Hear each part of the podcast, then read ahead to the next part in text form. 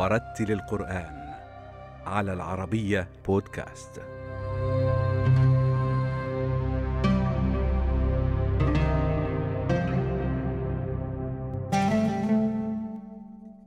ولد القارئ محمد حمدان الملاحي بقرية أورال بإقليم تطوان شمالي المغرب وفي الخامسة من عمره ألحقته أسرته بكتاب القرية ليقضي طفولته الأولى متنقلا بين المدارس والكتاتيب والمحاضر القرآنية في القرى المغربية حريصا على حفظ القرآن وفهم معانيه بالطرق التقليدية السائدة في التعليم القرآني. حفظ القرآن كاملا ومع ذلك أصر على مزيد تلقي علومه والغوص في معانيه وأحكامه. فتنقل مرتحلا بين مدارس قرآنية في مدن مغربية مختلفة ناهلا العلوم الشرعية على يد كبار علماء المغرب ومشايخها. وحينما اشتد عوده تولى قارئنا الإمامة والتدريس في مساجد طنجة قبل انتقاله إلى بلجيكا واستقراره بها. رحلتي بدأت مع القرآن الكريم حوالي السنة الخامسة من عمري حيث التحقت بالكتاب أو ما يسمى بالمسيد أو المعمرة وفي بعض المناطق المحضرة وهي أسماء والمسمى واحد وهو المكان الملحق بالمسجد في الغالب وخاصة في القرى مخصص لحفظ القرآن الكريم. المرحلة الأولى تبتدئ من لحظة الالتحاق وتمتد إلى ختم القرآن الكريم مرتين أو ثلاثة على الشيوخ واستظهاره كاملا. ثم المرحلة الثانية هذه المرحلة خاصة بالتثبت والإتقان والتصحيح والضبط. وهذه لا تتحقق إلا بالخروج من القرية الأولى أو القبيلة الأولى. والتوجه إلى قبائل ومداشر أخرى سواء مجاورة أو بعيدة حسب ما تيسر. بحثا عن الشيوخ الماهرين في حفظ القرآن الكريم ورسمه وضبطه وتجويده. بعد هذه المرحلة انتقلت إلى مرحلة أخرى وهي المرحلة النهائية. بعد حفظ بعض المتون الخاصة بالرسم والتجويد والفقه إلى آخره. وهذه المواد العلمية كانت تدرس في المعاهد الشرعية. ولذلك التحقت بإحدى المعاهد وهو المعهد الديني التابع لوزارة الأوقاف والشؤون الإسلامية بمدينة الخميسات. ومن المعاهد أيضا المعهد معهد الشيخ سيدي المهدي شقور العلمي بقبيلة بني حسان رحمة الله عليه. بعد هذه المرحلة مباشرة رشحت للإمامة وتدريس مادة التجويد بمسجد سوريا بمدينة طنجة سنة 1400 سنة 1984 إلى سنة 1992 انتقلت إلى مسجد آخر من نفس المدينة وللمهمة نفسها الإمامة والتدريس. ثم هذه خلال هذه المرحلة شاركت في عدة مسابقات إقليمية ووطنية ودولية وحرصت على جوائز متعددة. ثم شاركت أيضا في بعض الأنشطة أو الإسهامات المتعلقة بالقرآن الكريم وتسجيله والتحكيم في مسابقاته. سأقرأ إن شاء الله تعالى برواية ورشيد عن نافع من طريق الأزرق. أعوذ بالله من الشيطان الرجيم.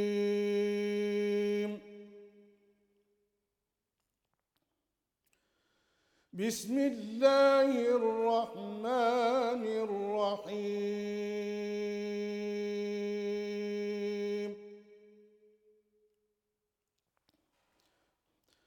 تبارك الذي جعل في السماء بروجا وجعل فيها سراجا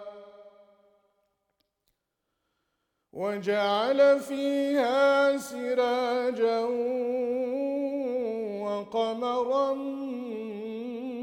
منيرا. وهو الذي جعل الليل والنهار خلفة لمن أراد أن يذكر أو أراد شكورا.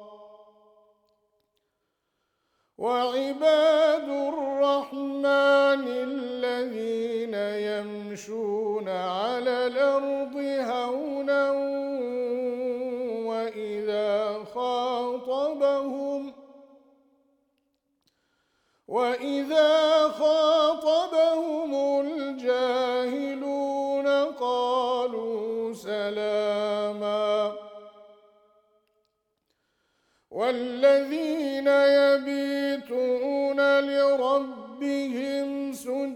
سجدا وقياما والذين يقولون ربنا اصرف عنا عذاب جهنم إن عذابها والذين يقولون ربنا اصرف عنا عذاب جهنم.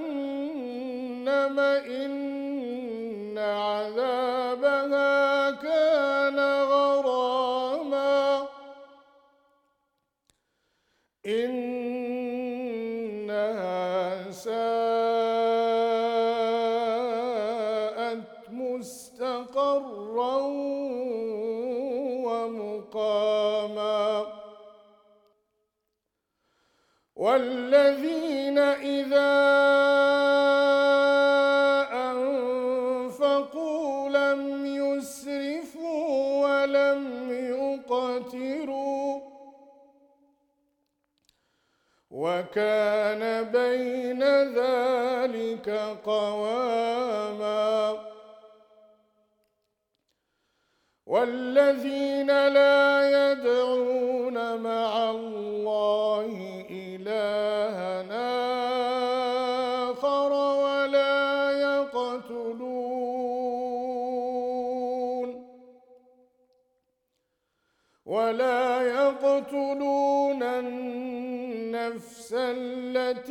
حرم الله إلا بالحق.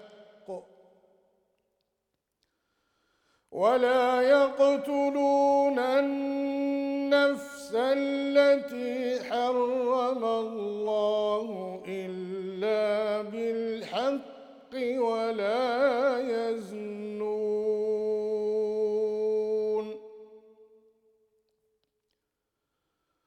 ومن يفعل ذلك يلقى أثاما يضاعف له العذاب يوم القيامة. يضاعف له العذاب يوم القيامة ويخلد فيه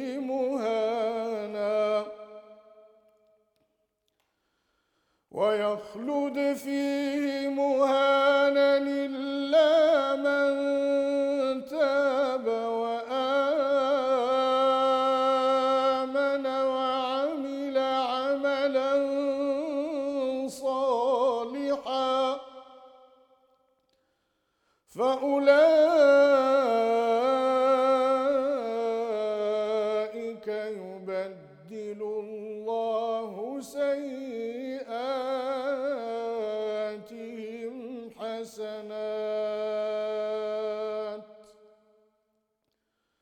وكان الله غفورا رحيما.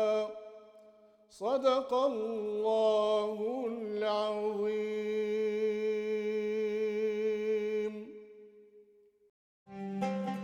بعد سطوع نجمه شمال المغرب التحق القارئ والإمام والحافظ محمد حمدان الملاحي إلى الاستقرار ببلجيكا حيث يعيش حوالي نصف مليون مغربي. وليتولى الإمامة والتدريس بعدد من مساجد ومراكز العاصمة بروكسل دون أن يقطع حبل الوصل ببلده الأم المغرب فأتم تسجيل عدد من المصاحف القرآنية التي تبث في الإذاعات المغربية والبلجيكية. كما يتولى المشاركة في تحكيم المسابقات القرآنية في بلجيكا وعموم أوروبا ضمن أنشطة المراكز الإسلامية هناك. بعد المرحلة الأخيرة آه، المتعلقة بالتلقي والأخذ والمشافهة. رشحت للإمامة والتدريس بإحدى المساجد كما قلت بطنجة مسجد سوريا مدة سنة 1984 إلى سنة 1992 حيث انتقلت إلى مسجد آخر لنفس المهمة. الإمامة والتدريس دائما. آه هذا المسجد اسمه مسجد الإمام الشاطبي رحمه الله. خلال هذه المرحلة آه قمت بتدريس مادة التجويد أيضا بمعهد العلوم الشرعية التابع لجمعية التوعية الإسلامية بطنجة كذلك تحت إشراف الدكتور إبراهيم بن صديق رحمه الله. وكذلك قمت أيضا بتدريس نفس المادة بمؤسسة النور القرآنية تحت إشراف المندوبية الجهوية للشؤون الإسلامية. وهذه المدة لم تطل لأنني كنت أستعد للسفر إلى هنا. وسنة 2006 آخر سنة 2006 جئت إلى بلجيكا ولا زلت أقوم بمهمة الإمامة والتدريس إلى الآن. وفي مسيرتي شاركت في العداد في العديد من آه، المساهمات منها المشاركة في آه، المسابقة الخاصة بتسجيل مصحف المسيرة القرآنية سنة 96 97 هذا المصحف أذيع على شاشة الإذاعة والتلفزة المغربية. كذلك شاركت في المسابقة آه، الخاصة بتسجيل المصحف المحمدي المرتل سنة 2002 وكذلك قمت بتسجيل مصحف ثالث بالإذاعة الجهوية بطنجة سنة 2005 ثم شاركت في عدة لجان التحكيم الخاصة بالمسابقة المحلية وكذلك الوطنية والدولية. بالنسبة لبلجيكا بالمقارنة مع المغرب هناك اختلاف كبير لأن الوضع هنا في بلجيكا يحتاج إلى مؤسسات متكاملة مستقلة حتى يمكن أن تعطي أكلها.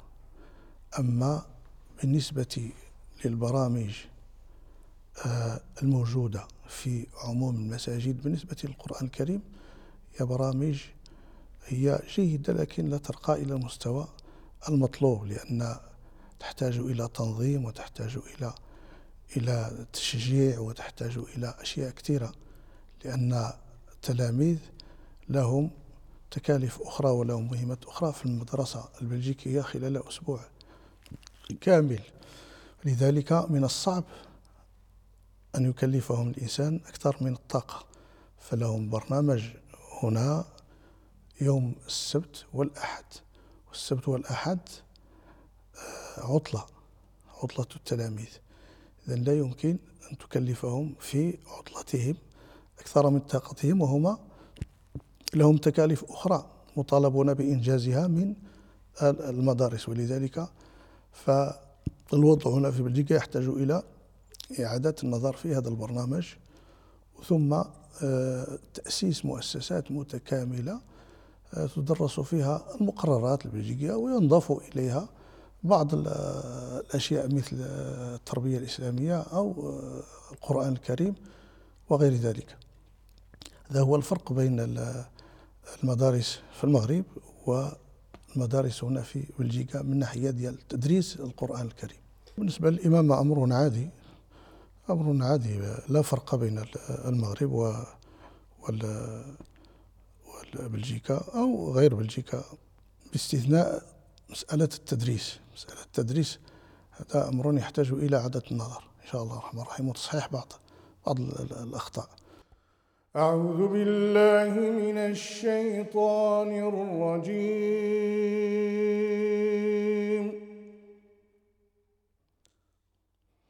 بسم الله الرحمن الرحيم.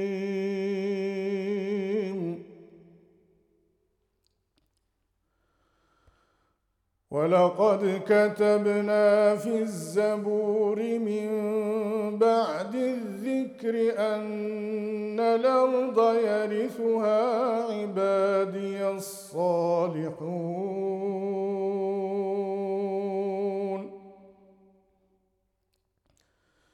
إن في هذا لبلاغا لقوم عابدين.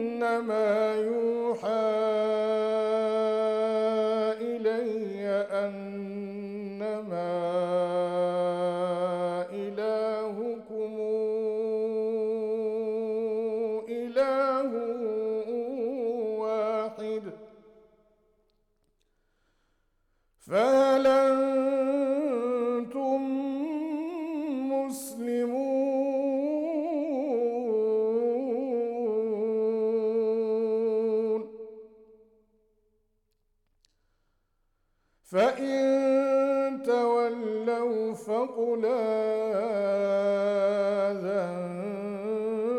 آذنتكم على سواء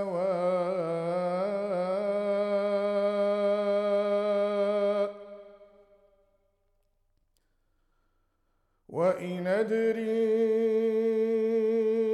أقريب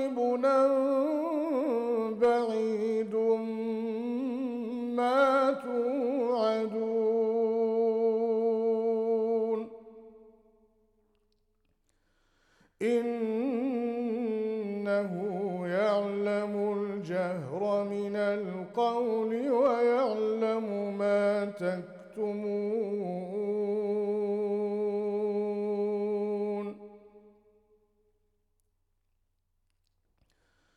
إنه يعلم الجهر من القول ويعلم ما تكتمون.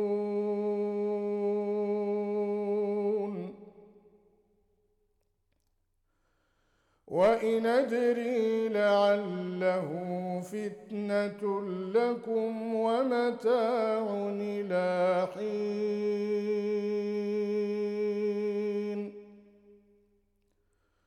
قل رب احكم بالحق وربنا الرحمن المستعان على ما تصفون. صدق الله العظيم. بالنسبة للمسابقة الحقيقة حافز مهم لتعلم القرآن الكريم وتحفيظ على الأقل بعض سوره وأجزائه هنا في أوروبا عموما. ولذلك أحيانا تنظم بعض المسابقات على مستوى بعض المؤسسات والمساجد وجمعيات إلا أن الأمر يبقى في حاجة ماسة إلى المزيد من هذه المسابقات سواء المستوى المستوى الأول أو المستوى الثاني أو الثالث أو بالنسبة للإناث كذلك لابد من المشاركة. وكذلك بالنسبة للجوائز أحيانا تنظم بعض المسابقات على مستوى بلجيكا وهذا وقع. آه لكن بالنسبة للجوائز هي تبقى دون المستوى. مثلا أعطيك مثلا. الأول يعطى له تذكرة الحج. ومعلوم أن الأول والثاني والثالث الفرق ليس كبيرا بينهما بمعنى أنه إذا أخذ الأول تذكرة الحج في الثاني ربما يكون مقاربا له إلى حد بعيد. وأحيانا يكون إذا عدنا النظر مشاركا معه في نفس في نفس المستوى. لذلك هذه المسابقات تبقى دائما دون المستوى المطلوب وخصوصا تكون موسمية كشهر رمضان مثلا أو بعض المناسبات الدينية. فهذه المسابقات تحتاج إلى دراسة وإلى تخطيط وإلى من طرف أهل الميدان المؤهلين حتى تكون في المستوى حتى تؤدي آه، آه، فائدتها وثمرتها المرجوة.